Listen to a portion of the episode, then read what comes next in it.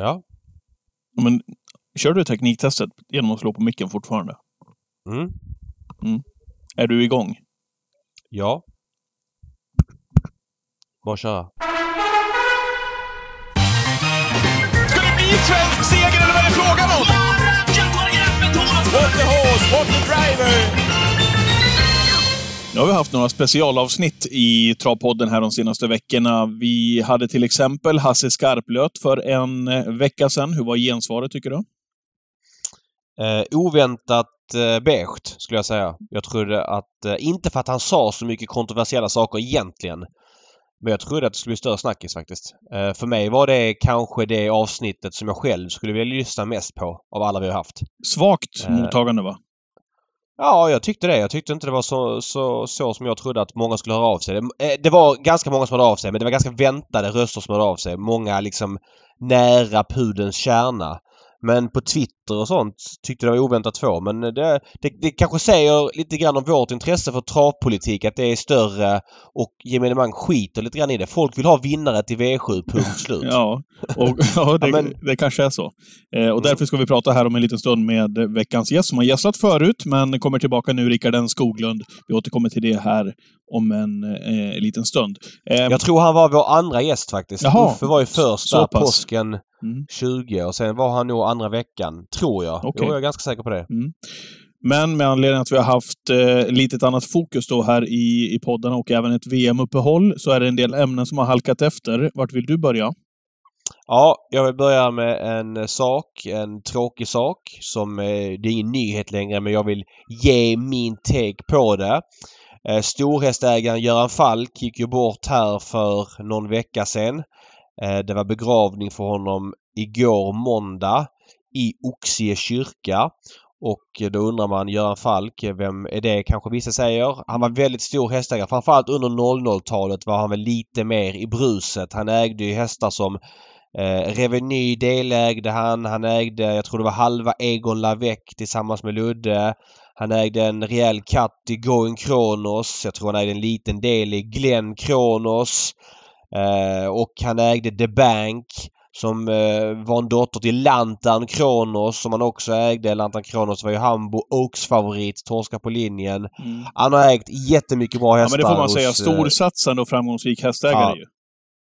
Sen så blev det väl en, en schism med Colginis för några år sedan. Han hade ju mycket hästar där och då satsade han, började satsa lite mer på USA och eh, hos sin sambo Helena Burman där kanske främsta, eh, ja vad ska vi säga, framgången är. De vann väl en kort E3 med en eh, F-häst som Björn vann. Mm. Eh, jag kommer inte på vad den heter just nu men de vann väl även fyraårseliten för ston med The Divine Miss F. Så att eh, det var lite framgångar där också. Men, men hur som helst, Göran Falk var väldigt profilstark och det var väl då Colginis lite grann... Jag ska inte säga att han gick som bäst, Ludde, för han körde in mer pengar efter den perioden. Men han hade väl mest stjärnor som stack ut under 00-talet. Det var ju många vassa söner till Viking Kronor som var duktiga och Göran Falk var, var liksom huvudägaren hos Colgini. Men för mig var Göran Falk någon annan. Jag började som travintresserad 2001 i eh, Malmö liksom och gick på Jägersro. Jag hade ju inga eh, trav...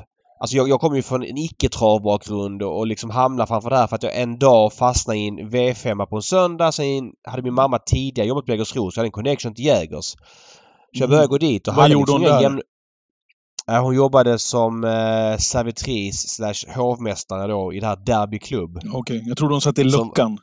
Nej, hon gjorde inte det. Som var välbesökt då på 80 och 90-talet när hon jobbade där. Eh, tisdagarna på Jägers var ju alltid liksom... Hon jobbade sent och det var ju alltid en fest med Jägersro på tisdagar. Skitsamma. Eh, och när jag började på travet då 2001 så hade inte jag så många jämnåriga kompisar men mamma var lite bekant med Göran Falk. Och Göran hade två söner, Micke och Daniel. Daniel som tyvärr då dog 2005. Men Daniel och jag blev ganska bra vänner. Han var ju typ 10 år äldre än mig.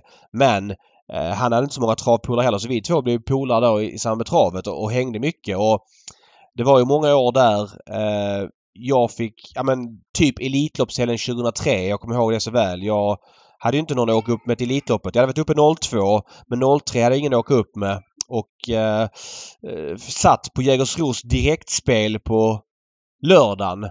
Mm. Eh, och eh, så Flambeau de Pain vinna Jag tror det var han som vann Harpers det året. Ja, 03. Det han kan ha varit 02. Skitsamma. Han vann nog båda åren förresten. Men i varje fall. Så kände jag fan, jag, jag är på fel ställe. Jag mår så dåligt att jag inte fick vara på plats den lördagen. Så ringde mamma till Göran. Du, eh, hur är läget? Bla, bla. Jo men vi är i Stockholm och så här så Göran sa du det vill vi gärna åka upp och så vidare. Ja, det är klart han ska komma upp till oss! Ja. Liksom. Och, och jag satte mig på ett direktflyg då på söndag morgon. Eh, jag hittade inte alls i Stockholm men hade då en bild av att ja, men landar jag på Arlanda tidigt, typ vid 10-tiden, jag kan nog gå till Solvalla. Men så kom jag ut, ja, men jag var så 17 år liksom, Ja. eller 18 år. 17 år hade jag varit i Stockholm typ. Kom ut på Arlanda, säger till busschauffören som kör då, eh, vi blir guidade till någon buss som kör förbi Sumpan. Ja, ja men åk med den här bussen. Så jag åkte med den bussen. Men den bussen var det inga människor på sista typ med med fem hållplatser kvar. Så han, han, han sneddade bara och släppte mig på valla själv. Skitschysst kille.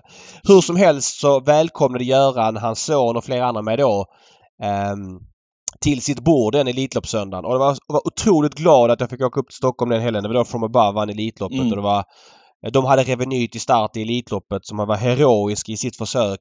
Det som Scott Knight vann från döden så var han ju även, jag tror han var femma, sexa i finalen. Lite bleka där. Men, men bara det var jätteschysst. Jag fick följa med på flera andra eh, så här travresor med Göran. Åka till Halmstad, Sprintermästaren. Vi var på Åby och jag och Daniel då, hans son umgicks. Så för mig var Göran Falk en kille som liksom tog in mig i travet.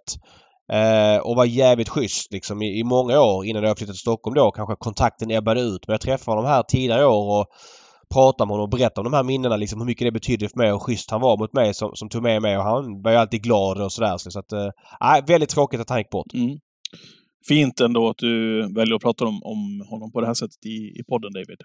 Ja men det, så är det. Det var ju som sagt folk som varit schyssta mot en när man liksom var ung och verkligen inte hade någonting själv att komma med.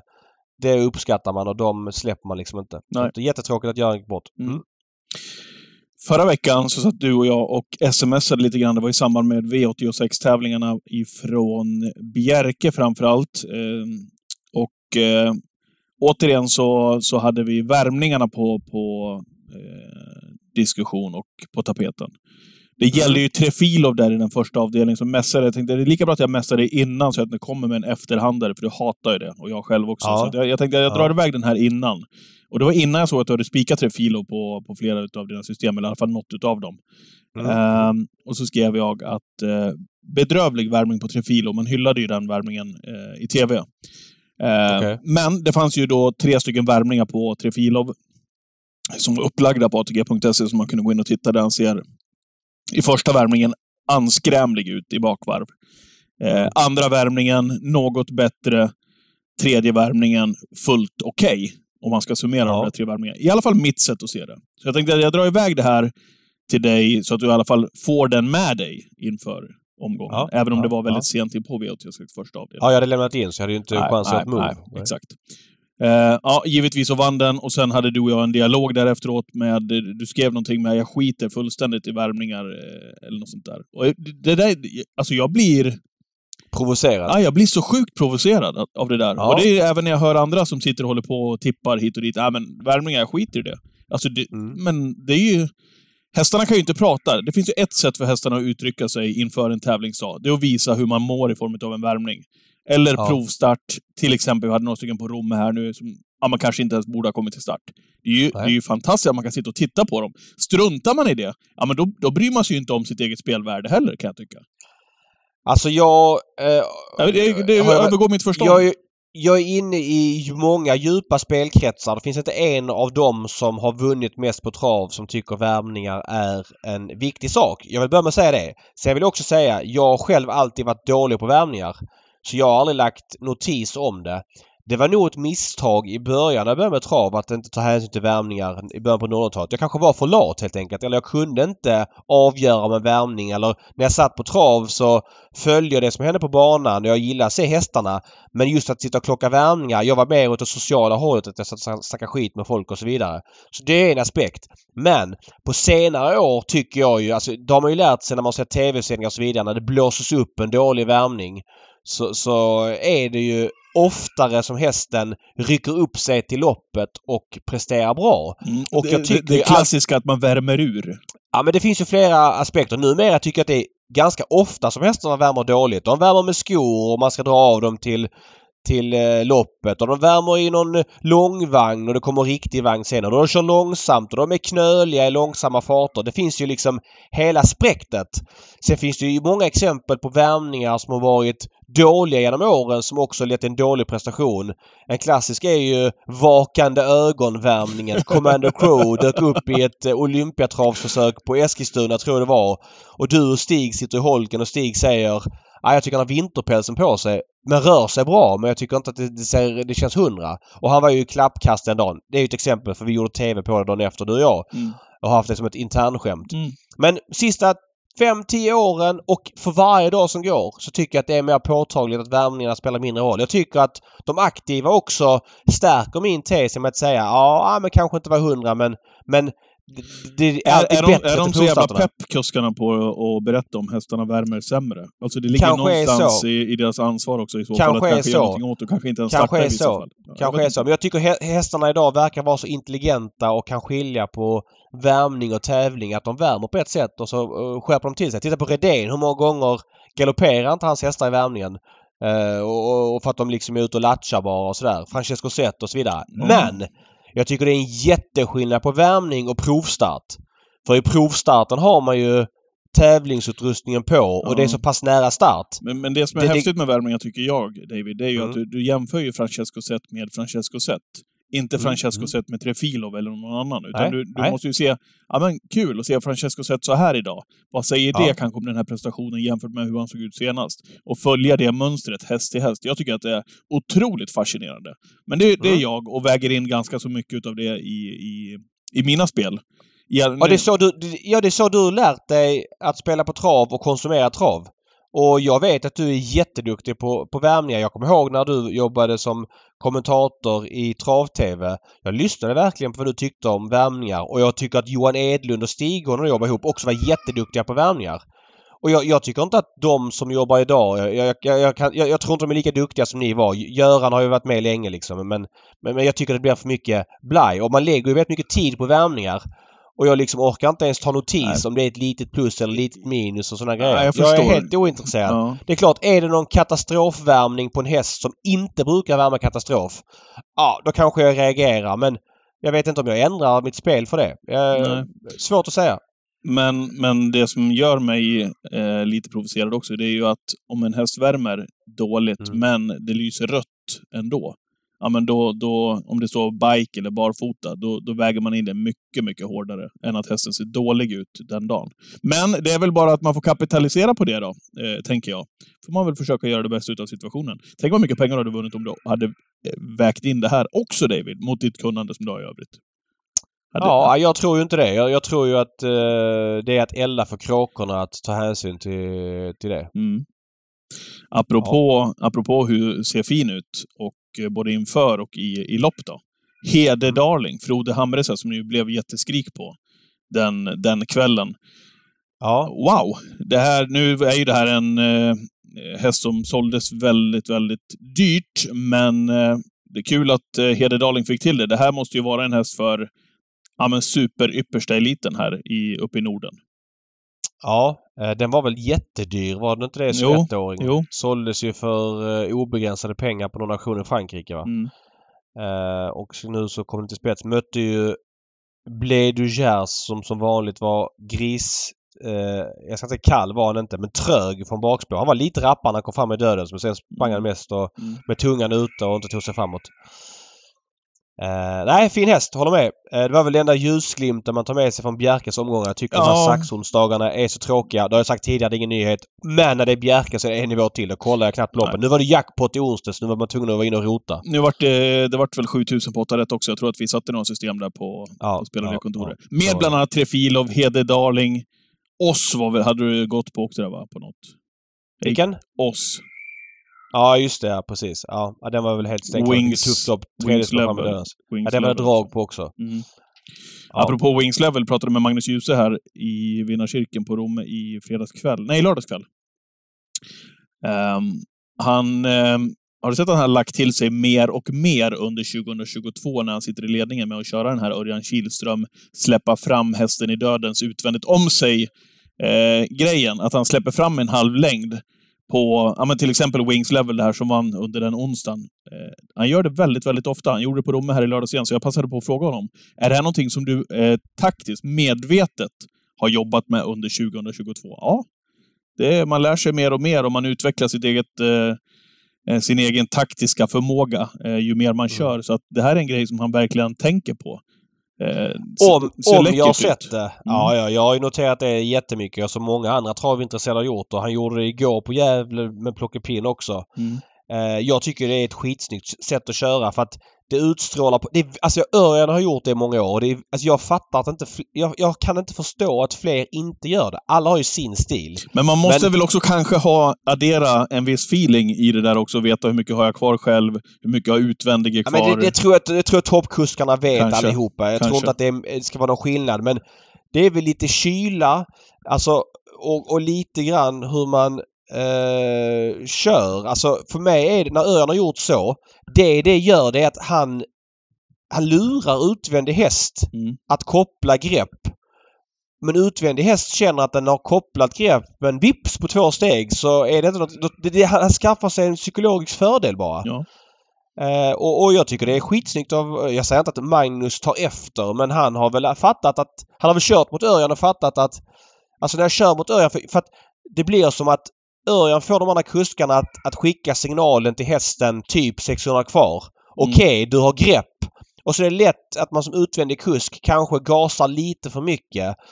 Och så får man liksom ingenting på den gasningen för att Örjan sitter bara liksom och, och, och luras. Och sen så när han släpper till i början på upploppet så är det rup, är det en halv längd direkt. Mm. Och sen håller han den in i mål. Och Magnus och Djuse håller på anamma det. Jag tycker det är skitsnyggt. Jag är oerhört förtjust i det sättet att köra. Ja. Du... Men vad kul att du uh, identifierade att han uh, att han liksom hade den grejen. Ja, men som du säger, alla har väl sett det. Men det, det som är kul är att han, eh, han berättar så utförligt om det och, och verkligen säger att ja, men ja, men berättar om hur han har tänkt och hur han har jobbat med det. Ja, men vad sa han mer då? Hur hade han tänkt liksom? Eller, nej, men mer att, han har utvecklat, nej, men mer att han har utvecklat olika delar av löpkörningen och att det här är en utav dem. Att han har sett Örjan jobba på det sättet och tycker att det funkar hans löpkörning också på, på ett väldigt bra sätt. Så ja, det är väl inte sista gången vi har sett det säkert. Du, ehm, nu mässar våran ehm, gäst som vi ska ha i den här podden. Har du någonting innan? Han undrar om vi är på gång här. Uh, ja men kul att prata med Rickard Skoglund. Det har hänt lite sen senast så att uh, ja, vi kör väl igång. Vi ringer upp honom direkt. Ja men vi gör det. Ja, välkommen till Travpodden så är vi till Rickard N Skoglund. Tack ska du ha Patrik. Nyss... Nyligen hemkommen. Ja. ja. Och det, det är viktigt. Nyligen hemkommen ifrån travtävlingar va? Ja precis. Jag var på Bergsåker där uppe så att vi... Jag kom hem för en kvart sedan tror jag. Så jag har näsit nu så att jag, jag är redo. Du är redo? Mm. Ja, det är bra. Det är bra. Du var med som gäst nummer två i den här podden. Eh, april 2020. Det har runnit lite vatten under broarna sedan dess. Ja, vi fick igång den bra direkt efter att ni har klarat er några år. det var rätt kul. Vi, vi hade en rätt hög ambitionsnivå då. Vi åkte och delade ut lurar för 1500 spänn till först Uffe Olsson, sen Rickard. Sen insåg vi att fan, det här kommer inte gå om vi ska ha 100 gäster. Så, så vi, fick, vi fick hitta en annan teknisk setup. Men du har kvar de lurarna va? Ja, ja absolut. Ja. Ja, ja, det är klart. Sliter de med hälsan. Ja. ja, det är bra. Eh, när vi ändå är inne på, på Uffe där. Han var gäst ett som du sa. Eh, du åkte med Uffe nu va? Nej, faktum han åkte med mig. Han åkte han med dig? Han, han, eh. tog tåget till Sundsvall och så, fick, så stod han och lyfte så jag plockade upp honom i en djurrunda på vägen hem. Ja, det, då är han nöjd. Då blev det en, en bra ekonomisk lösning för honom. ja, det löste sig allt fram. Du, eh, apropå det. Eh, innan jag frågar hur det, är, hur det är med dig. Eh, det är ju Davids standardfråga. Hur är det med Uffe? Eh, med tanke på det vi har läst om här i, i Travnytt. Ja, det är som med Cristiano Ronaldo. Vet du. Det, det är färdigt. det är slut. Over and out. Nej då, men, men, men det de har gemensamt är plånboken. Då. Men Olsson klarar sig nog några år till. Då. Han är, det är ju såklart att han har...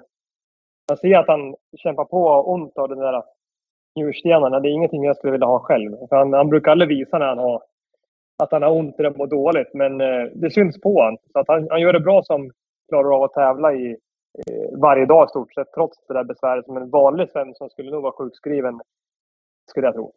Mm, mm. Ja, tråkigt för Uffe. Hoppas han är på bättringsvägen. För övrigt tror jag inte det är slut med Ronaldo. Han var bra i, i, i sista matchen. Han, han har haft ett tufft år med bortgången son och så vidare men eh, det tar Ja, vi... nej.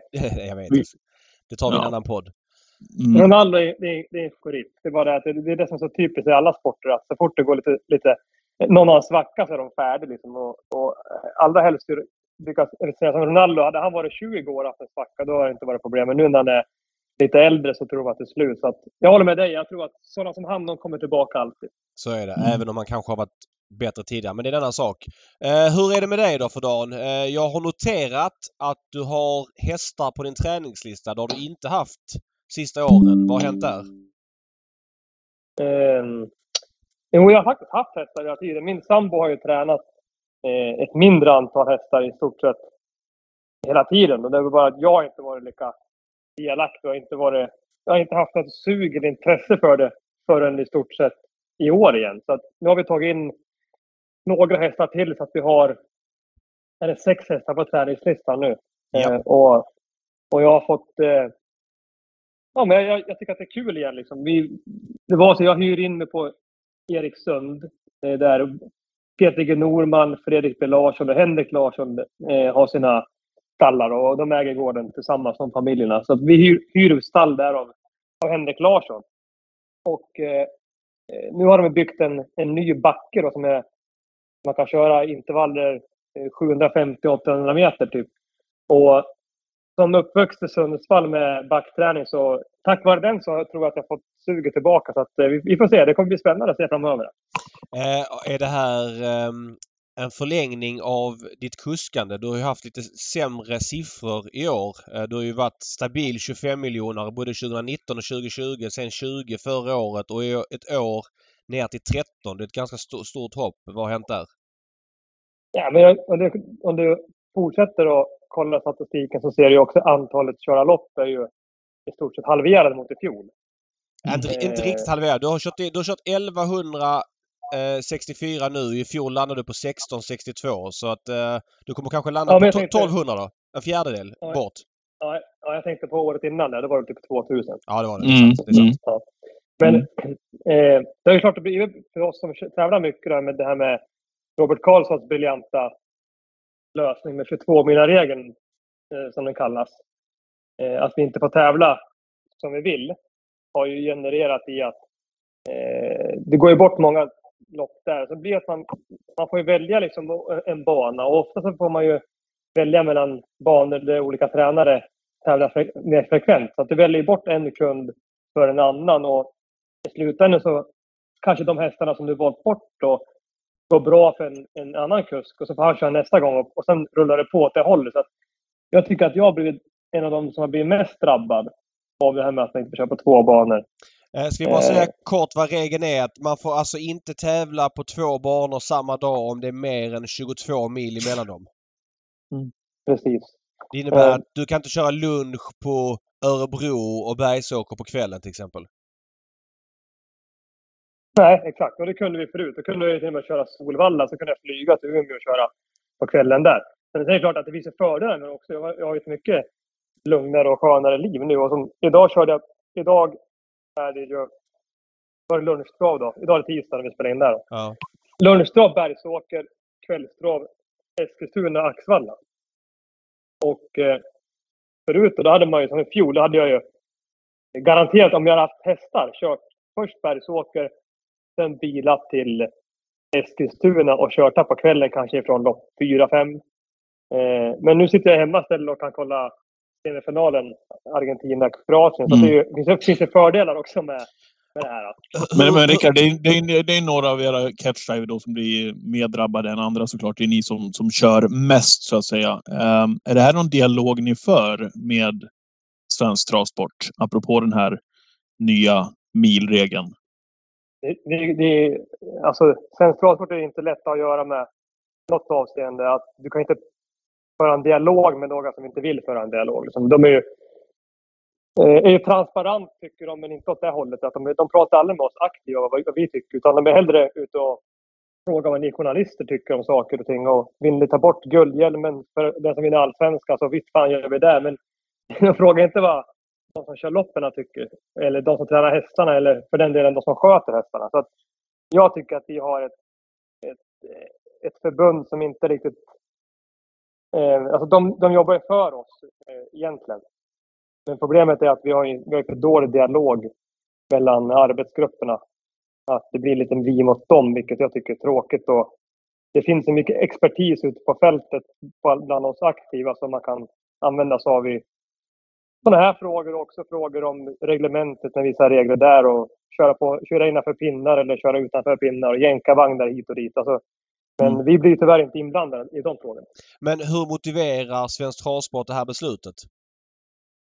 Det finns ju, eller ja, jag, nu har jag nästan glömt bort det, men det var väl tre punkter tror jag. Det ena var väl att eh, Robert Karlsson tyckte först att eh, vi kunde vara en trafikfara.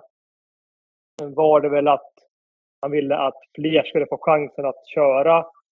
Och så tror jag en punkt var att vi skulle få eh, vi, vi skulle ha möjlighet att eh, föra en dialog med våra kunder. Så att han tyckte också att vi skulle ha mer tid på oss mellan att vi inte skulle skynda iväg till nästa bana utan att vi skulle kunna prata med dem vi har kört åt. Och han, han, jag tror inte han vet att det finns mobiltelefoner. Eh, men om vi tar punkt ett, eh, är det inte en viss relevans i det? Jag menar om du tvingas köra eh, eller ni tvingas köra bortom det lagliga mellan två banor för att hinna fram. Är det inte rimligt att man inte ska kunna göra det? Ja, alltså vi, vi kan ju flyga också. Mm. Ja. Jag, jag, jag, jag blir ju lite alltså, djävulens alltså, advokat. Jag ställer frågan ur deras perspektiv liksom. Ja, jag, vet. Och jag är lite ironisk också. Ja. Alltså, egentligen så, det här har jag släppt länge sedan. Men det är ingenting, nu är det som det är. Vi tog in advokat och vi kom ingen längre med det. Sen tycker jag det känns tråkigt att bråka med ett förbund. Sen finns det de som tycker att det är jättebra det här också. Av oss aktiva. Och vissa tycker att det är skitdåligt. Men jag tycker generellt sett att sitter man ju på ena stolen här. Och, och jag tycker att, att man bör få jobba så mycket som man vill. Mm. Och sen är det liksom marknaden som styr. Om, om jag ska köra mindre lopp exempelvis, så ska, det, det ska ju bero på att ingen vill använda mig. Att jag inte kan köra. Och det är inte bara jag. Det är även, jag vet ju tränare som tränar hästar också som åker till eh, ena banan och, och kör och sen åker de till nästa och spelar ut och värmer och sätter upp en catchdriver för att de inte får köra. Mm. Det, det, blir ju ofta så. Liksom. Men det, det, det, värsta är väl att hästskötare åker runt i så fall. Det är ju det är värre det än att eh, vi kuskar, vi väljer själva i alla fall när vi ska åka. Men, men jag, jag, andra saker. jag håller med eh, om det helt och hållet att det är fri företagsamhet och är det möjligt att ta sig mellan två banor eh, då ska man kunna göra det. Sen tycker jag i så fall då är det förbundets jobb att lägga lunchen i Boden och kvällstävlingarna på Valla. Men till exempel så att det inte liksom... För är det möjligt att ni kan köra lunch kväll, ja, då tycker jag att man ska få göra det. Men det är klart, eh, det är möjligtvis att ni tar några styrningar för några som vill uppåt men då tycker jag det är förbundets jobb att sprida ut tävlingen så att eh, ja, det, är, det är en knepig fråga. Det, det, måste man säga. Det är inte... Det är, alltså det har ju varit tillfällen och snackats om att det körs väldigt mycket bland kuskarna, alltså fort i bilar för att hinna med och det är ju inte en bra eh, lösning på det hela i alla fall. Nej, men det händer väl... Alltså det finns ju poliser som sköter sånt. Liksom. Ja. Vad jag vet har det, inte varit någon, det har inte varit någon olycka som har varit på grund av att någon kusk har kört för fort.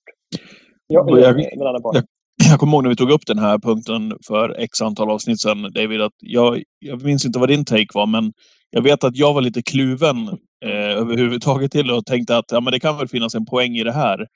Eh, och tänkte då ur ett hästägarperspektiv, om man har en häst du vet i, ja, vi säger lopp ett på Romme och sen har min kusk varit och kört någonstans på lunchen, kommer med andan i halsen, vilket ni gör ibland Rickard, eh, får man väl ändå säga. Eh, alla, kommer ju dit från Örjan.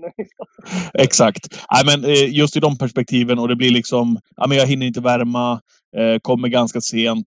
Det, kunde, det, kan ju uppfattas oproffsigt, men då är det precis som Rickard säger. Då är det bara för de hästägarna i så fall framöver, om man då har upplevt en sån kusk, att välja en annan kusk nästa gång och så är det ingenting mer med det. Så jag håller med. Jag håller med Rickard. Ja, ja, jag håller, ja, jag håller med Rickard fullt ut i den här frågan nu måste jag säga vi snackar om Cristiano Ronaldo. Så jag tar ju hellre... Vilken väljer du vid straffpunkten då? Han har spelat 90 minuter plus tillägg. Så är det, liksom, ja, det är straffläggning i en VM-semifinal. Tar du Cristiano Ronaldo eller tar du tredje målvakten som ska in och lägga straffen? Liksom? Mm. Han har inte spelat en minut. Han, är, han har ju haft hela matchen på sig ta det lugnt och putsa skorna. Och, eh, han kanske har varit i en omklädningsrum och kollat lite pa- paddan där och sett eh, vad, vad målvakten brukar göra. Men Ronaldo han har varit ute och kämpat i 90 gånger och sen två tilläggs, tilläggskvartar. Jag tar ju hellre han ändå i straffläggning. Nej men jag, jag Mm. köper det framförallt att menar, det är inte Svensk Travsport som ska berätta för dig om du ska prata nej. med kunder eller inte. Utan om du väljer att steka några kunder när de ringer då får det vara en grej mellan dig och kunden. Eh, sen kan jag tycka att det finns poänger med att, att fler får chansen. Att det blir liksom ett lättare för folk att slå sig fram när inte kuskeliten är på plats liksom, utan att kuskeliten får välja. Men- lite komplex fråga. Det, det där är så sjukt tycker jag. För att det är ungefär som att säga att Ja, men vi tar som ja, men, hockeyn då. Leksand-Timrå. Vi snackar mycket där när vi inte, har, när vi inte spelar in. Ja, men det, ni har legat jävligt lågt du och Olsen efter torsken för en vecka sedan. Men kan vi, vi kan återkomma till den. Ja, men det är ungefär som att säga att ja, men, eh, ja, men, ja, men Dahlén får inte spela liksom, han, alltså han får inte spela i alla tre perioder. Han får vara med i första och tredje, för han måste vila i andra för att han kan bli trött. Liksom. Nej men Eh, alltså jag... eller, eller för att då ska liksom någon av juniorerna få chansen att spela istället för honom. Utan de har ju sina juniormatcher. Sen har de ju liksom, vill de upp i SHL och tävla på, på allvar, då måste de ju visa att de duger där också. Eh, Mm. och, och vi håller med dig att man måste få chansen att visa att man duger. Så är det. Men det, den vägen har ju alla vi fått gå. Och det är ju, om du är duktig så kommer du till slut få din chans. Men egentligen är det så att det är mer, så mycket fokus nu på kuskar. Det är ju större problem på tränarsidan. Där har vi ju ännu svårare att slå sig igenom.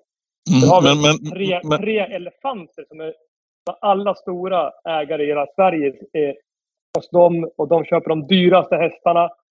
Eh, de kan ha 51-åringar var varje år som de kan träna hårt för att matcha mot de stora loppen. Det spelar ingen roll om det är bara tre som startar, de är med. Är de med.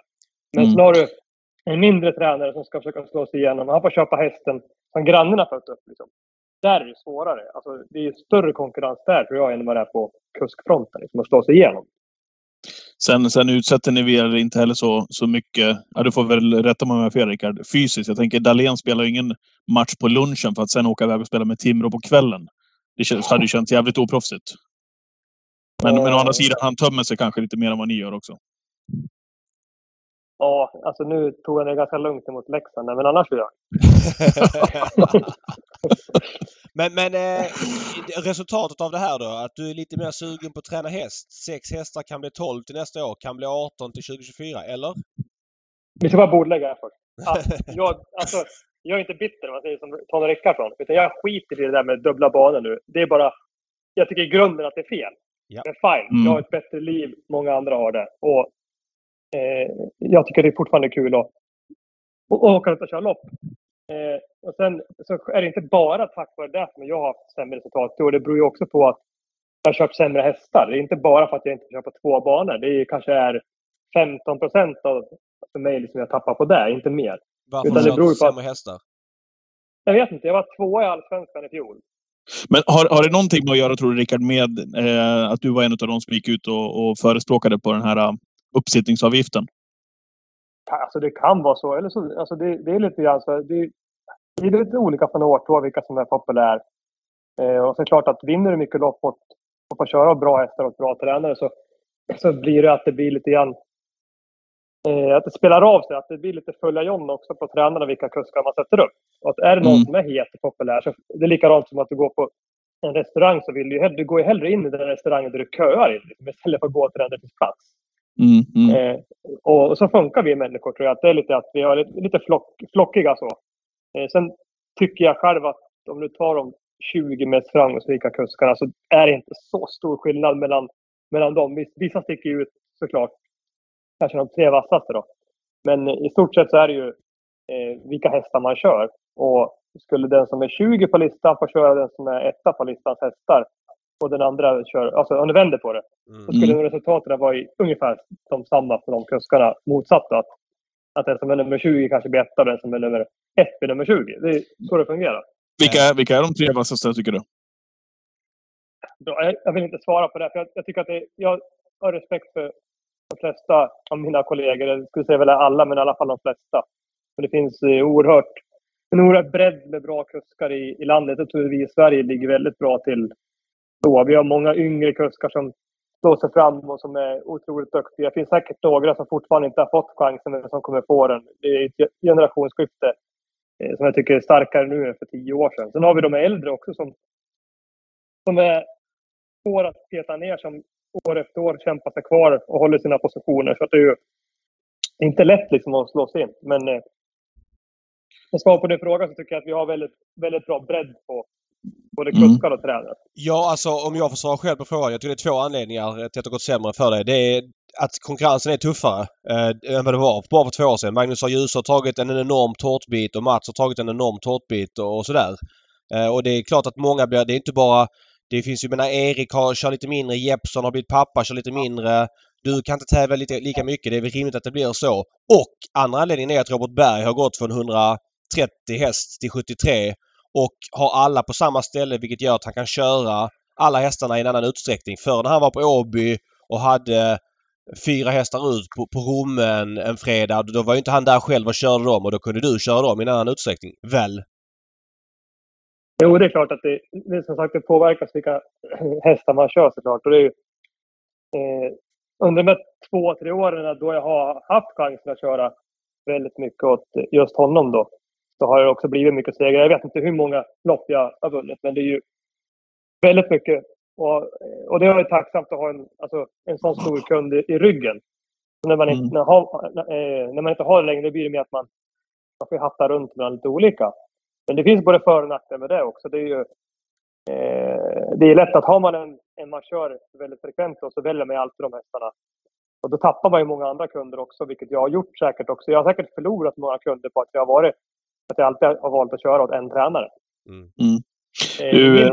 För, för ett år innan jag, alltså på de, den tiden då jag inte körde alls till honom så vann jag, var det också något år jag körde in 25 miljoner och vann typ 170-200 lopp och sådär. Så att det, det har ju gått bra innan också. Ja. Men det är klart att den positionen vill man ju ha, att köra åt de som är bäst. Och det är ju typ tre tränare som har varit där. Och det är ju Robert, eh, Timo och eh, Daniel. Och det, de är liksom, det är de och sen kommer jättemånga duktiga under. Men de är år efter år där uppe och kör in sina 30 miljoner. Mm. Eh, Rickard, finns det någon form av, eh, jag tänker liksom positionering från din sida eller kuskarnas sida? Ja, men om vi ändå eh, jämför då med, med hockeyn här till exempel alldeles nyss. Det finns ju rivalmöten, det finns några motståndare man tycker mindre om. Eh, man vet att okej, nu är de här två lagen som möts. Vi vet att senast eller ofta när de möts så ja, men då är det lite grinigare. Eh, är det så också bland eh, er kuskar liksom, som, som är på den här nivån? Att det finns vissa man behöver markera mot också? Som är, ja, men förstår vad jag menar? Att det finns, finns en sån hierarki och någonting man tänker på även bland kuskandet som det, man gör i många andra sporter? Jag skulle inte säga det. Det är klart att man har sett, sett historiskt sett att ofta när det var förr när man tränade och körde själv, alltså många, när, när det kom någon uppkomling som dök upp så ville ofta den som var här på träffan ja, men trycka, sätta, sätta dem på plats, liksom, att de inte skulle...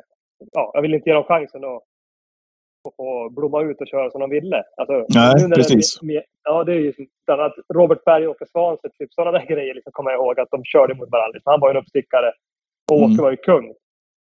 Eh, men, men det är inte lite lika nu tycker jag, när, i och med att det är mer att man antingen tränar eller kör. Så det blir en annan sak. Att vi som kör till andra, vi måste vara så jävla professionella också. Vi kan inte offra en häst åt en, en kund för att köra mot en kusk som man, som man vill vara bättre än. För att liksom, jag måste ju ta tillvara på den hästens bästa chanser. Det är skillnaden med att träna den själv, så är jag fortfarande en kund, men jag kan äga hästen själv också. Då kan jag liksom på ett annat sätt göra en, en sån markering, även om jag tror att det är sällsynt. Jävla, det är kul ändå, uppfriskande. Jag vet inte vad ni säger, men är det, är det bara jag som inbillar mig, ap- apropå den duellen vi hade mellan Berg och Svanstedt, som det nästan alltid var, så har vi väl haft nere på Jägersro också några sådana dueller genom åren, David. Men, men nu när Bergen tillbaka och Lövgren. till exempel, Mm. eh, nu när um, Bergen är tillbaka uppe på Bergsåker igen, så känner man ju liksom att det är lite Bergan mot Wäjersten där uppe. Bergan vill markera lite grann. Kom inte här liksom. Det här är mina domäner sedan tidigare. Den känslan får jag när jag ser det. Även om inte ni skulle dela den. Det är ganska skönt att sitta med den tron i alla fall. Att man tänker att det tävlas på det viset fortfarande. Det är rätt roligt. Ja, det är, det är två otroligt bra tränare. Så det är ju, och Wäjersten, han eh, föddes väl ur det där vakuumet som uppstod när typ Robert och Svante och alla stack ifrån Sundsvall. Och helt plötsligt var Sveriges bästa travbana historiskt sett kanske eh, inte Mm. alls på samma nivå längre som den har varit innan. Så att det var som en, en rebuild där och eh, nu är man nog kanske starkast i landet igen. Du Rickard, en annan faktor. Jag ska, jag ska inte fastna vid det ämnet men det här är lite ett annat ämne. Men det där med, med färre styrningar. Alltså Solvallas onsdagslopp är ju väldigt tunna. Eh, har varit det under ett och ett halvt års tid. Jag menar om du åker dit som catchdriver och är tillgänglig. När vissa lopp har 6, 7, 8 hästar. Då är det ju rätt svårt att, att kunna få styrning i varje lopp. Så är det ju. Och sen är det ju en annan sak som jag tycker är jävligt bra. Eh, men sämre för mig som capsdriver. Det är att jag tycker att ett tag där så gick man ju från, från att, att vara i ett land där man tränade och körde till att vilja ha den amerikanska modellen. Antingen träna eller köra. Men nu tycker jag att det mer och mer går tillbaka till det som var förr. Och de, många av de här bästa nu som kommer fram, de här största talangerna, de både tränar och kör sina hästar. Som exempelvis då Daniel Wäjersten, eh, finns ju Oskar Kylenblom, Oskar J. Andersson, André Eklund, Kristoffer Eriksson. Det finns en uppsjö av eh, Adrian Collini, alltså flera stycken som, är som både tränar och kör. Och det är ju egentligen den svenska modellen. Mm. Eh, så det är ju också att vi som, eh, som är jagar styrningar och catchdrivers, så att vi får ju mindre, det blir mer konkurrens om de styrningar som är kvar. Mm. Men du är inte catchdriver eller Rickard längre. Du har sex hästar på listan så att du är tra- travtränare. Ja, precis. Och så kommer det bli 12, och 18 och 24. ja, just det. Vi är tillbaka där. Det får vi se. Men... Eh, om du hade frågat mig för ett år sedan om du ville ha någon häst träning så hade jag liksom försökt att fråga om vi skulle äta lunch eller om vi skulle göra något annat istället. Men nu känns det som att, som att jag... Eh, det ska bli kul att se. Jag, jag är taggad att prova det där igen och har lite nya idéer. Och så tror jag att man har fått mycket mer erfarenhet än den dagen man själv startade igång och, och var tränare. Nu har jag, man har ju kört åt de, de största tränarna. Eh, både varit hemma och tittat hur de håller på också, men också just där man ser skillnaden på en viss träning över vissa hästar. Eh, så jag tror Mm. att man har mera erfarenhet idag än man hade för tio år sedan, om man säger så. Mm. Eh, ska vi prata lite lördag och Romme eller är det något annat du vill eh, trycka in Patrik? Eh, nej, det är väl i så fall att, att Rickard kanske inte känner att han hade de superhetaste chanserna, men han kan väl ändå få kort kommentera dem ändå, tänker jag. Ja men Det absolut. blir väl inga, det blir, det blir inga streckfavoriter, så att säga. Nej, vi kan, börja med, vi kan bara säga något kort om Hard Times. Det loppet ligger utanför V7. Gulddivisionen får maka på sig igen. Eh, vad, vad tycker du om det?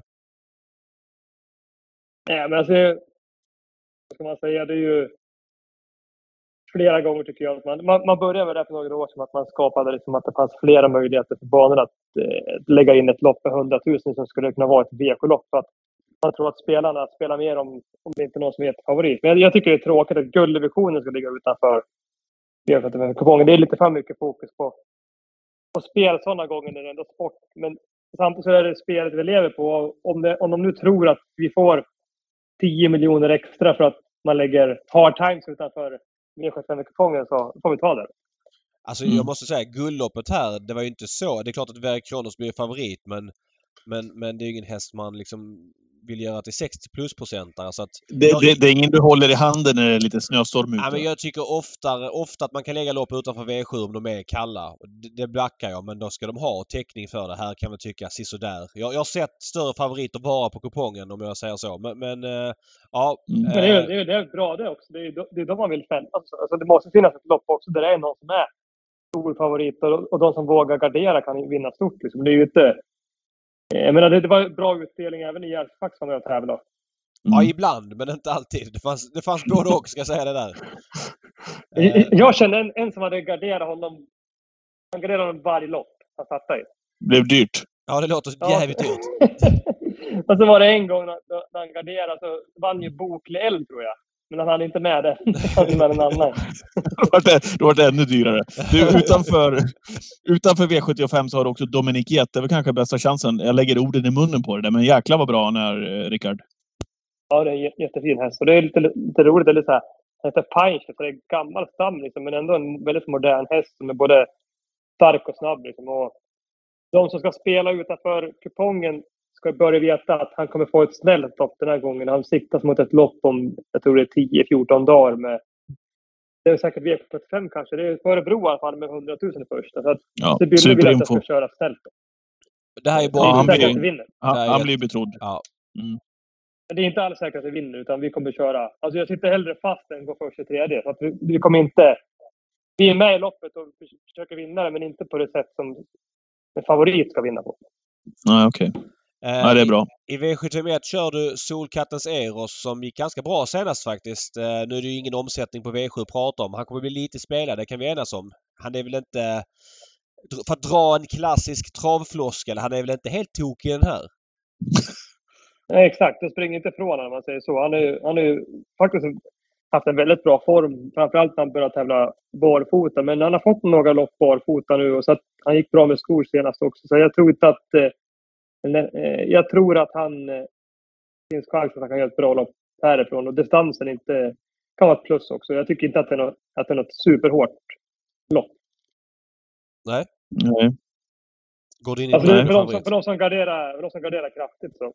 Eh, om du har eh, där går in i brick, springspår, just nu 41 procent. Det finns ju, ja, men, det finns ju i boken att typ en som Maestro Zon skulle kunna ta emot honom om man får en bra start. Så det behöver inte bli liksom spetsigt slut på en sån istället. Så att man vet aldrig. Nej men. Romme liksom lördag, vad kommer det vara? 55 minus och det kommer vara liksom allt i stenhård bana och det kommer Du, vara... du, vet, du, vet, du vet var Romme ligger någonstans i Sverige, va? Eh, Ja, Borlänge. Det är typ Ja, längst upp i Sverige. Det är jävligt långt dit i alla fall, det kan jag säga. det, rä- det räcker för mig. Ja, men, Ja. ehm, du kör i V75 5 Drizzle som du brukar köra. Som är en, eh, en fin häst Drizzle. Vad säger du om hans uppgift på lördag? Ja, men jag tycker den hästen var... han har gjort bra lopp i stort sett hela karriären. Inte vunnit så mycket, men, men det är väl lite missvisande eh, att han är... Alltså det, det är inte en häst som har dålig inställning på något sätt, tycker jag. Men jag tycker ändå han har lyft sig ännu mer och... Eh, eh han, jag vann med där på Axvalla, var han väldigt bra från ledningen och eh, sen satt han ju fast senast där. Så jag, jag tycker att det är en, en häst som kommer öppna väldigt bra. Och Ja. det är stor chans att- att vi får ledningen. Och väl där så får vi höra vad tränaren tycker om vi ska lägga upp taktiken. Nej, men händer inget speciellt så tror jag att vi är ganska intresserade av att testa det. Det var exakt det jag skulle komma till. Drizzle kan ju tyckas vara en häst som inte... Men han är ju dels som du säger extremt startsnabb. Eh, och, och det är en faktor. Okej, så du säger att tränaren, ni får snacka ihop er där lite grann, du och Fredrik Wallin innan du bestämmer taktiken. Eh, men det var, eh, precis som du säger, det var rubb och stubb kvar senare. Han blev bakdragen där ju. Ja, alltså får jag lucka där 300 kvar så tror jag jag vinner loppet. Så, Ja. så kändes det. Ja. Sen, sen, vet- sen vet man inte. De blir ju ofta kaxiga när man sitter fast. Alltså det blir liksom en... Man får alltid känslan att man hade vunnit med lucka. Sen kanske det inte har varit samma sak om man sitter i andra spår hela vägen. Nej. Men, eh, men som sagt, han är i väldigt bra form. Han är väldigt startsnabb. Och han har visat sig kunna tävla liksom på de här typerna av banor också. Så att, absolut inte borta.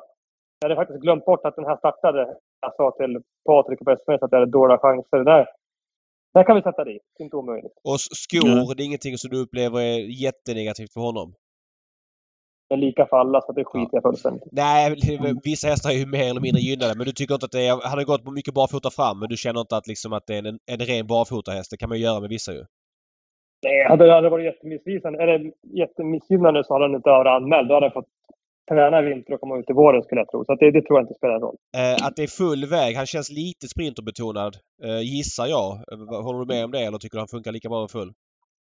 En gammal sanning tror jag. Alltså det, det var ju typ som han var lite innan, att han inte fattade vad det gick ut på. Så tycker jag att han var lite så att han upplevdes från sidan räkna stegen om man säger så. Men det var mer att han inte fattade vad det gick ut på. Jag tycker att han att hans på Axvalla sträckte på sig på ett bra sätt. Och, ja, jag tycker han har vuxit lite grann mentalt också. Så att jag tror inte att det spelar någon större roll att det blir 2-1. Nej. Eh, sen kör du åt Jennifer Persson i V756. Eh, 8 Jacques Noir. Det var väl ganska exakt ett år sedan han superskrällde för Per Lennartsson på Bergsåker.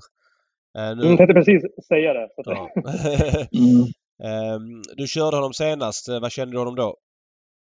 Jag har inte kört han på, alltså, så mycket på slutet där, men senast gjorde han ju ett av sina bättre lopp.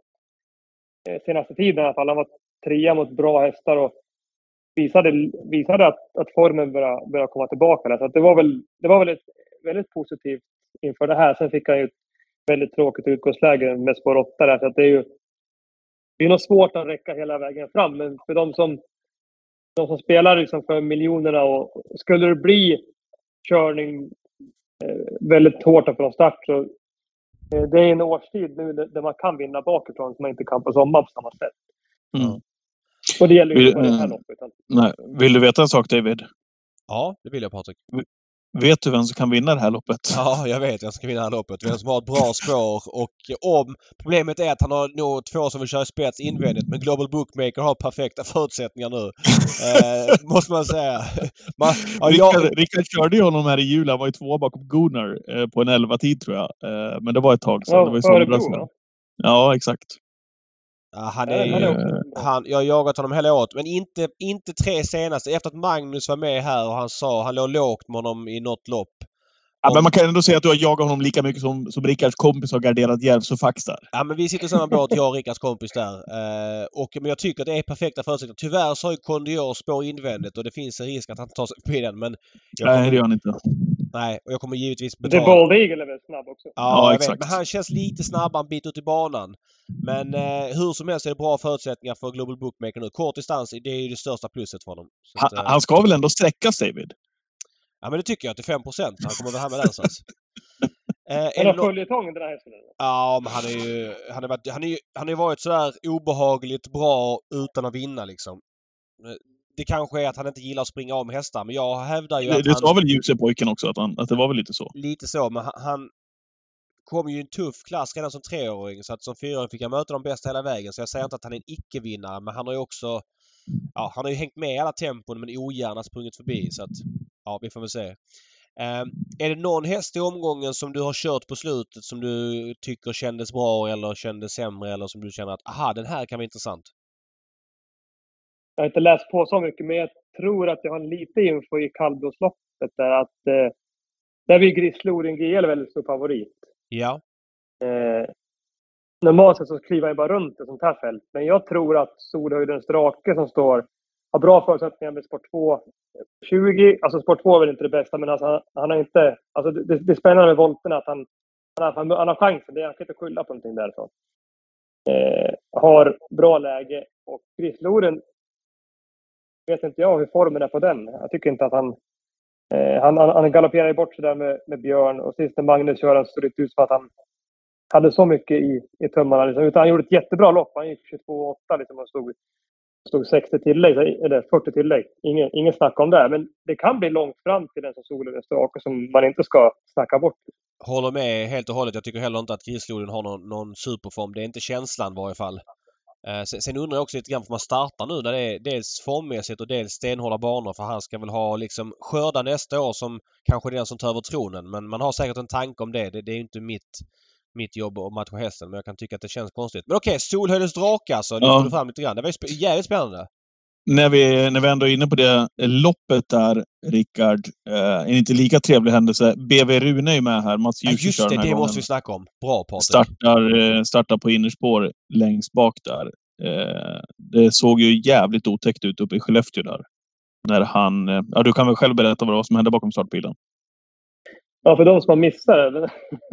De, de lyssnar säkert inte på eran podd. Men om Nej. någon, har missat det så han är ju en sån här ett kallblod. Och, och som Jörgen Western brukar säga att då är det är 10 procent av populationen och 90 procent av olyckorna.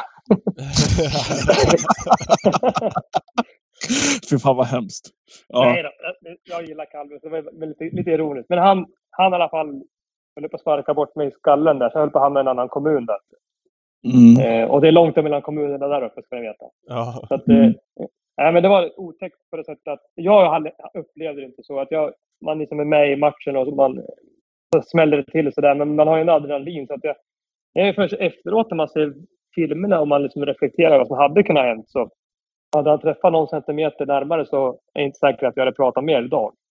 Nej. Nej, så för fan alltså. det är Ruskigt obehag- obehagliga bilder. Men vad, vad, är, Ja, vad, kan, vad kan vara utlösande en sån grej? Liksom, vi som aldrig har kört häst eller kört några någon gång har jag gjort men, men jag, vet, jag vet inte hur, man, hur det funkar. Vad, kan, känner man av någonting innan eller vad, vad händer där liksom? Nej, nej, han visar ingenting. Han, han har gjort något liknande tror jag när man, när man var yngre, så det kanske sitter i fortfarande. Men han är väl säkert lite bakrädd. Att han, säger att han, att han har lite lätt att stressa upp sig. Och när han galopperade från start, jag vart lite påkörd från start av Pydil. Mm. eh, som tog frambenen på mig från start. Och då var, jag tror att han var irriterad eller rädd av den händelsen. Så när han galopperade och jag försökte ställa honom och drog i honom. Så försvarade han sig med att liksom stå bakut då. Eh, han kände sig trängd säkert. Så att Mm. det är väl ett, en form av flyktbeteende på något vis. Så att det var säkert inget illa ment utan att eh, eh, eh, ett djurs sätt att försvara sig på något vis. Mm, mm. Ja, eh, skönt att allt gick bra för det där var otroligt, eh. Hur, hur, hur funkar du i de där lägena, Rickard? Om, om, om du får chansen att köra bredvid Rune igen. Är det någonting som du... Alltså, bara, hur tänker man då? När man har varit med om en sån grej. i, jag körde honom i kortvagn och utan slagjord eller spunnen svans. så Att, eh, nu går han ju med eh, liksom... Ja, han går med så mycket man kan göra. Han, han, går väl dels med en sparkvagn. Sen tror jag att han både har bunden svans och slagjord och käk och hela baletten. Så att jag tror att han är, skulle han slå för Mats på, på lördag så är det en helt annan sak. Utan han kan Okej. inte skada sig därifrån. Utan han hinner i alla fall hoppa ur innan det blir värre. Men sitter du i kortvagn så första smällen kan ju vara den som Mm. gör skillnaden direkt. Där. Så att, får jag köra i den där utrustningen så inga problem. Men jag vill inte köra den i en kortvagn igen. Nej. Det, det förstår jag. Eh, men du, var, du, det var någon mer händelse också väl, här nyligen? Ja, Har det du är inte varit- 2022 alltså. alltså det Ja, exakt. Vad, vad, uppdatera mig. Jag, jag bara minns att det var... Fan, hände det med Rickard igen? Det var väl Vad var det? på Hagmyren där, där vi var i volten. Och så var det, jag körde ett norskt, även då kallblod, som vände upp från spår 5. Och vagnen bara välte. Liksom, att det var ja, en, en gammal sulke som inte borde kunna få användas. Men någon, någonting märkligt med att det, det var som att liksom, det var som en katapult bara när vi vände helt normalt helt enkelt. Men vagnen kastade mig rätt ner i marken och hästen blev lös och sprang in i Bosse som sen bröt benet där eller, eller fotleden tror jag han bröt fick operera. Så det var ju otur att, att han var drabbad på det sättet. Jag klarade mig rätt bra. Ja, okej. Nej, fy fan. Små marginaler. Ja, verkligen. Ja men bra Mm. Rickard. Härlig info. Trots att eh, du på förhand kände som att det inte var... Jag visste, dels Drizzle tyckte jag var intressant ändå för att han är som Ja, jag, faktor i jag, loppet. jag glömde bort den att den startade. Alltså, jag, jag jag jag missade den. Ni vet det är. Det är lätt, det är lätt när man... eh, Det är några dagar bort ska vi säga. Så att det är inte så att man själv sitter här med hela leken utan... Men även hästen där utanför eh, V7. ehm, Dominic Jett. Dominic Jett. Och eh, info där med, med Solhöjdens drake. ehm, som du tävlat mot mycket. Ja men vad bra. Eh, ska vi hoppa in i Argentina, Kroatien? Jag kan ju uppdatera er om ni... 0-0 efter 23. Har inte hänt ett skit. Ja, perfekt. Men, det, det vet du, minns du när vi satt i Visby i somras? Eller var det någon sommar sen när du inte visste vart du skulle skicka hästen i träning? Ja just det, Oliver P Hill ja. Vi gick, ja, vi gick igenom hela jävla travtränarkåren i, i landet och det var ju ingen Nej. som dög. Nej, jag Men- dömde ut alla där. Ja, det stämmer. Ja, men nu vet jag från och med nu så, från och med nu så vet du vart du skickar. Ja, det vet jag. Nu, nu vet jag. Back, backen på sundet, det är där det händer. Ja, ja, ja. Ja, men jag måste säga att jag tycker det är skitkul att... Uh, jag, jag tycker det är... Alltså... Alla gör vad de vill och det är klart att vill man vara catchdriver ska man vara det. Men jag tycker att... eh, att ha några hästar på listan, jag tycker det är det bästa som du själv sa när man tränar och kör eh, själv. Eh, Ja, men det är klart att i, i, grunden så håller jag med om det. Och, det, Ja. och det, så, så är det. Det tycker jag är friskt. Och, eh, men så upp till de som, som klarar av att göra det på en hög nivå. Så vi får, vi får se. Men, Ja men eh, du som bor på sundet liksom. Du behöver inte göra någon större omställning för det. Det är inte som att du måste flytta eller sådär utan du har ju grejerna utanför för fönstret så det är bara att hoppa ut och köra. Exakt. Men nu kliar det i fingrarna. Vet du. Och så Ja, har man det- suttit och funderat i sex år hur man ska lägga upp det. Så nu får de hålla i sig. Får man inte köra vältränat så får man fixa det själv. Ja precis så är det. ja, det är. Ja, men super Rickard. Ja, Härligt att prata lite. Ja, toppen. Mm. Lycka till eh, i helgen eh, och innan det så håller vi connection. Ja, absolut. Så vill jag önska eh, Leksand lycka till i kvalserien också. Vi avslutar med det. Ha det bra. St- Stort tack så mycket Rickard. Tack, tack. Hej, hej. Hej. Rickard N Skoglund där. Innan vi går in på veckans hiss och diss. eh, Något eh, kort om förra veckans V75-tävlingar, David. Där eh, bland annat Mr F Dag gick vinnande ur gulddivisionen. Vad bra han var. Mm. Han var väldigt bra. Eh, och det var fler som var bra. Blue Boy Face var väldigt bra. Mm. Snygg Alla spik, som var med på Tack Patrik på Twitchen eh, fick ju den som vår bästa spik, eh, min bästa spik och jag spikar den på alla system tror jag utom ett, det som heter David Neves spelar snävt där jag gör en grej av att jag liksom spelar ett unikt system Mm. eh, emot de andra systemen. Men jag hade Blue Boy sp- Face spik på alla system och han vann ju på ett bra sätt. Han såg lite slagen ut, 700 kvar men jag vet, eller jag vet, men jag gillar stammen. Yuppie Gall som amma. Eh, det känns som att han har varit under kraftig utveckling. Bra läge att ta betalt på honom så att det blir rätt. Jag hade faktiskt lite läge på V7. Eh, streamsystemet hade ju alla i fjärde. Där satt vi ju alltså med eh, 3 gånger 6 gånger 2 kvar och hade Taisansa på 2 men missar då Enjoy Banker på 3. Sen hade jag faktiskt inte Pastors Girl på den på, på 6 heller. Eh, det var lite synd på det systemet men fick eh, lite andra femmor på de andra systemen så att eh, ja. Mm. Mm, ja. Eh, pusslet lades lite fel för att det skulle bli riktigt bra. Ja, ja så var det. verkligen. Hur gick det för dig? Eh, totalt iskallt tror jag väl att det var. Eh, Ja, du spikade väl eh, emot Bay Face. Du spikade Laban Lager. jag spikade Aetos Kronos. Ja, men Laban Lager också på Mm. någon lapp va? Till 58 procent. Ja. Ja, Nej, du det- vill sparka på någon som som ligger. nej, nej, det vill Nej. jag inte. Jag, jag, jag tänkte så här när Men- det men- är Jerry Reardans häst utanför V75 som heter Dubai Exakt. Kronos. eh, var ute och såg ut som han gjorde och gjorde den prestationen som han svarade för. Så tänkte jag, aha, okej, den eh, Reardan-dag. Den Jerry Reardan-dag. Mm. Och eh, tänkte att ja, han kommer säkert upp i 90 procent kanske, Aetos Kronos av sin form.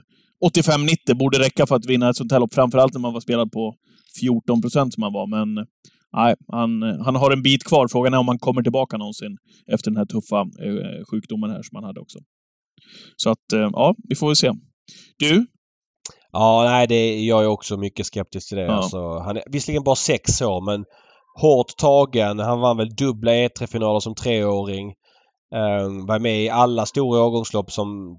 Han galopperade väl i sig kriteriekvalet men i övrigt var han med i alla stora årgångslopp och sen totalmaxade som femåring där. Varit nere på Vincennes och varit med i Prix d'Amérique. Att han, att han ska ha sin bästa tid i karriären framför sig, då, då fattar jag ingenting om trav om det är Nej. så. Han torde vara, om inte slut så, så nära, men jag tror bara att de gör något start till med honom för att nu börjar det ju slita på avelsvärdet som ändå finns där. Mm. Med tanke på hur bra han har varit. Men, men för varje start han gör och är dålig så är det ju liksom man tappar ju suget att för, som, med honom om, om det fortsätter se ut som det gjorde i Mm. lördag. Du har ju varit eh, i den här podden lite nyfiken på den röda armén och tyckt kanske, eller kanske du har tyckt att Mm. ja, men leveransen har uteblivit på V75. Man har vunnit mycket på, den här, på, på de här lite mindre dagarna. Halmstad, Åby, ditten och datten. Men man får väl ändå säga att eh, firma Untersteiners de senaste månaderna här har skruvat upp verksamheten på högvarv. Nu vann Behind Bars första avdelningen, föll upp med Blue Boy Face och de går väldigt, väldigt bra för dagen, David. De kanske har hittat Kanske tar en stund, eh, det är väl rimligt också, eh, att hitta ett koncept med personal, alla dessa hästar som de har på träningslistan, Untersteiners, att det ska sätta sig i ett format för att liksom hitta rätt. Det är väl ganska rimligt ändå, trots allt. Ja, först och främst ska vi säga det att de började året med 256 hästar hade de den första januari Mm. tror jag. Och nu har de 178. Kanske ett bättre antal att ligga alltså- på. Det är ju är sin sak och sen så kanske de har kommit till sin rätt mer. Eh, jag vill säga att det är en enorm uppryckning som har hänt under hösten och jag vet ju hur de har levererat var för sig tidigare så det är inte som att jag liksom... Jag tycker att det ska finnas mer där. De har välstammade hästar, de har bra hästägare, de har ett stort material att ta av. Jag tycker att för många dagar har det varit 15 hästar ut, en seger och så liksom lite ströplatser bakom. Det har varit mycket bättre på slutet men jag, jag, jag tycker ändå att ja, det är såklart starkt att vinna en dubbel på V7 med egentränat. Framförallt då där Blue Boy Face verkligen imponerar. Men jag tycker att det ska man liksom lite grann kräva av dem. Det är liksom lägstanivån att de ska kunna ta en dubbel på V7 när det är på Åby vinteråret när många andra tränare inte tävlar längre. För att de ska liksom hoppa över ribban, förväntningarna på Untersteiner. Då är det för mig en dubbel på finalerna annandagen. Eller att man har två hästar med i kriteriet eller en i derbyt eller du Mm. vet. Alltså och det tycker jag överlag har varit för svagt. Men som du säger, det kan finnas hundra anledningar till det och jag eh, vet att de är jätteduktiga, har visat det i flera år. Men jag har också höga krav på dem. Och de har välstammade hästar och jag måste ge dem, under British Crown fick de till det. Eh, Carrot River väldigt bra. Men framförallt Dancer Brodde var ju jättefin Mm. ju. Eh, och så var det väl något sto där som var väl tvåa tror jag. Så att där lyckas de. Det är de förväntningarna jag har på Untersteiners eh, med det materialet. Det, det måste jag säga. Så att där fick de till det och det har varit mycket bättre eh, på slutet. Men jag tycker att det har varit lite för mycket, men jag vet inte, vardagstravsfokus. Det har varit så här 15 hästar ut på vardagar och så vidare. De vann väl fyra på Åby i torsdags. Det var väl en V5-dag på Åby. Så att, eh, Det var, det var den här men, Stens ju- Retention som var tvåa bakom Queen Belina. va? Ja. Men jag ser ju jättemycket fram emot att följa dem eh, nästa år. För jag, jag tycker det, de behövs verkligen. Framförallt när de kommer till Solvalla eh, och rör om lite grann. Det är ju inte bara de som kan göra det. Det kan ju Wäjersten göra. Det kan ju Colginis göra. Loga och Bergan. Det finns ju många som inte är Solvalla-tränare som lite grann rör om. Men eftersom Untersteiners tränare kör själv så har jag den kravbilden på dem att de ska komma till Vallan onsdag med fyra hästar och i varje fall vara med och göra upp om segern i, i något lopp. Det, det, det är mina förväntningar på Mm. dem liksom. Så att eh, ja, vi, vi knappt godkänt säger Mm. totalt sett över året. Eller godkänt får jag säga med tanke på att det höjde sig så Ja, mycket på slutet. får flika in också att Toto Eh. Barroso, V75-bekantingen, har varit nere på Vincennes och vunnit också. Mm. Det kanske lite under radarn här i början på december månad. Eh, Så lite framgångar Eh, även Ja utanför men verkligen. Och landets det är en häst gränser. som också utvecklats mycket. Och honom har jag gått på som guldhäst. Den där gulddebuten. Han känns, känns undervärderad till hur bra den hästen är. Ja. Eh, ja, vi får se. Eh, det blir följ, spännande att följa dem och alla andra. Men, men godkänt får de såklart för sitt debutår. Det finns säkert som du säger svårigheter eh, med att slå ihop verksamheterna och jag tror inte att kanske målet var att ha 256 hästar. Det var väl nog att banta och slimma verksamheten. Och, ja, men då ska de vara redo till nästa år då så får vi följa dem med, med, med spänning. Ja.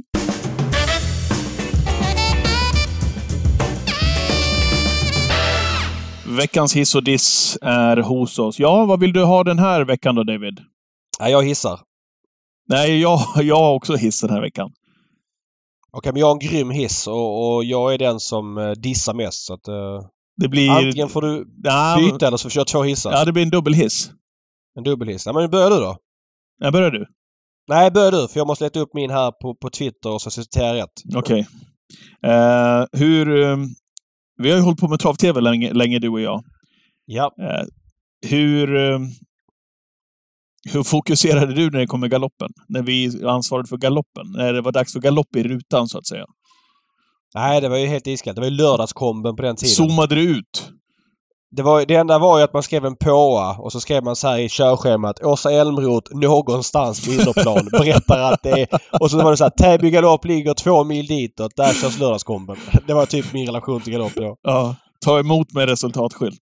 Ja, lite så. Eh, men jag måste ändå säga det. Jag är också totalt ointresserad av galopp. Det har liksom aldrig fångat mig. Har du varit ute och kollat på det live någon gång? Det lär du ha varit på Jägersro, va? Eller? Eh, ja, absolut. Och jag Mm. var ju på Täby galopp eh, någon gång också. Så det har jag varit, men inte på Park. Nej, inte jag heller. Men jag, har- jag har varit ute på Täby galopp några gånger, men jag har aldrig fångats utav det, även om jag har försökt sätta mig in i det. Men!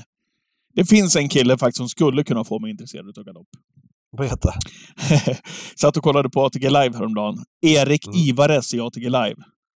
Alltså, har du sett honom när han kör, eh, heter tipsprogrammet Dubbelt upp? Jag let, försökte leta upp det här på, på ATG Play, men jag hittade det faktiskt inte. Det kan vara jag som är dålig att, att söka här, för då hade jag tänkt att våra lyssnare här i podden skulle få lyssna på Ivares här i tio sekunder.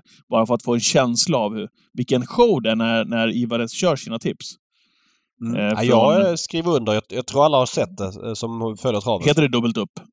Jag tror det. Ja, ni kan säkert kolla på det på ATG Live om ni går in och söker där. Nej, men hur som helst, jag satt och lyssnade på honom och det är ju... Han har ju ett uttryck i, i sändningarna, i sina tipssändningar på galopp som, som ingen annan har. Micke Nybrink är ju sjukt verbal och duktig att hitta ord och formulera eh, både tankar inför och efteråt. Men eh, det här är, eh, det här är något annat. Det här är, eh, det här är show från, från start till mål faktiskt. Där man, så att nu kommer jag, från och med nu så kommer jag kolla på dubbelt upp varje vecka.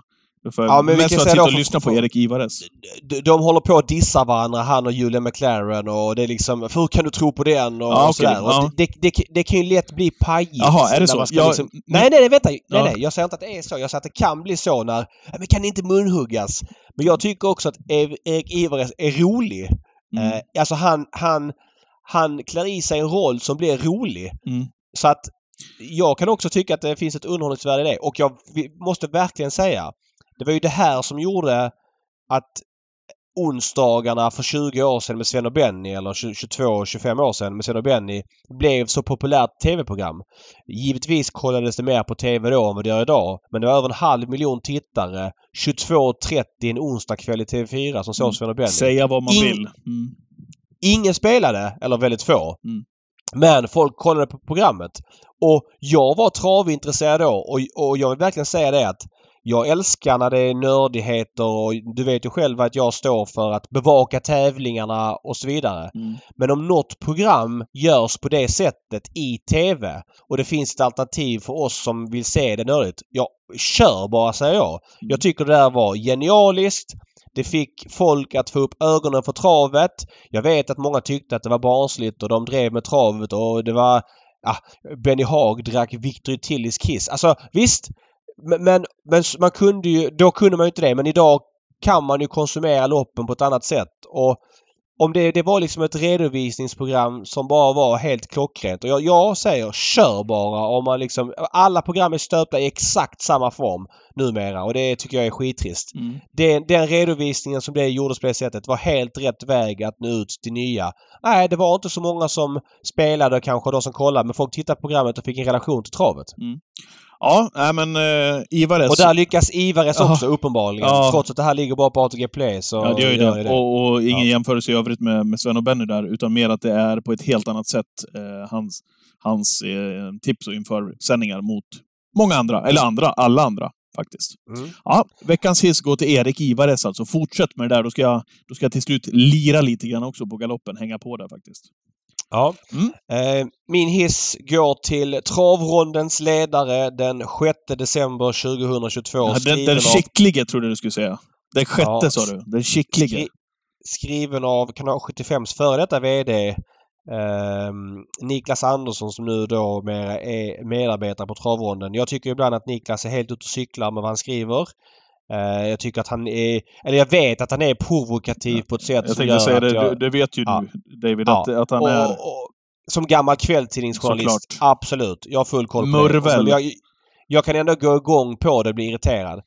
Men här skriver han en ledare där rubriken är Behöver vi inte längre ett branschpalats att längta till? Apropå Solvalla, eh, Solvallas devalvering en fråga jag brinner mycket för. Han har ett par punkter som att ATG har numera ingen spelform eh, som prom promotar Solvalla fullt ut. Att Solvalla inte har återkommande tävlingsdagar. Eh, ja men eh, Alltså han skriver den bästa ledaren jag läst. Det är som att jag har skrivit den själv men skillnaden är att han är så otroligt mycket bättre än vad jag själv är på att skriva. Eller det är som att det är mina egna åsikter så jag ska säga det.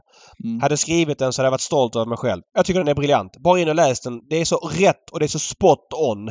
Och eh, om man inte förstår de problemen som han adresserar så, man, så tror jag inte man är då, då, känner man inte av vad kärnan i travpubliken är för någonting. Eh, jag, tycker, jag, jag, tycker det är frustrerande många av de frågorna som han lyfter upp och svarar på och jag tycker han belyser det på ett klockrent sätt. Och så skriver han ju väldigt bra. Ja. Niklas Andersson, 6 december, finns på travronden.se. Läs den ledaren. Ja. Ja, det ska jag in och göra eh, när vi har avslutat den här podden. Bra David! Det vart en dubbelhiss ja. den här veckan. Det var väl trevligt? Ja men det, så är det när man eh, avslutar året. Vi har ju vi har ju ett avsnitt kvar. Vi, nästa vecka är julafton. Därmed ingen ordinarie V75-omgång så vi steker podden och tar lite paus i två veckor. Mm. Det har varit ett, eh, hårt, en hårt arbetande höst här nu med fotbolls-VM och allt man håller på med. Så att eh, lite julledighet och så kommer vi tillbaks med ett späckat eh, spelnischat program till nyårsveckan inför jackpotten på Axevalla nyårsafton. Så är det. Eh, och ni hänger givetvis med oss på Twitch också på lördag. Då är det V75-tävlingar ifrån Romme. Då kommer vi att bena igenom de tävlingarna. Jag kommer att vara på plats, David, och köra Twitchen mm. ifrån min kommentatorshytt där uppe. Ja, det är ju mycket uppskattat bland folk. Ja, och vet du varför? Du, ja, för att du, det är då du lägger av lurarna och rätt ah, Ja, kanske. Eh, men, då kan jag också bjuda på värmningarna. Ja, folk älskar det när du lägger av lurarna och räffar. Det tycker jag. Tyvärr är det inget lopp mellan ett och två men det är mycket uppskattat bland eh, folk på Twitchen. Folk, folk, folket älskar värmningarna. Ja, det gör de. Mm. Absolut. Värvningssiffror. Eh, god jul till alla lyssnare.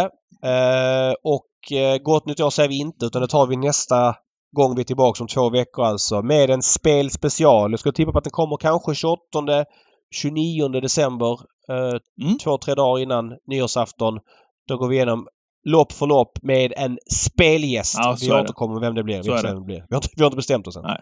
Vart ett starkt avsnitt det här jämfört med förra veckans svaga. Ja, men förra veckans var otroligt starkt men, men jag tyckte att Nej, oväntat klen respons tycker jag. Eh, vi blev ju citerade i diverse travpoddar, bland annat Rickard Hanssons och Johan Lindbergs podd på Jaha, Travrollen. Men, men eh, det var inte så mycket mer så. Det var lite väntat skulle jag säga. Mm. Men det här var också starkt. Det var starkt. Tack David. Tack alla ni som lyssnar. Härligt att ni är med oss hela det här året. Vi hörs igen på Twitch nu på lördag, direkt ifrån Romme. Ha det så gott till dess så hörs vi. Hej hej! Vid eh, minternattens köld.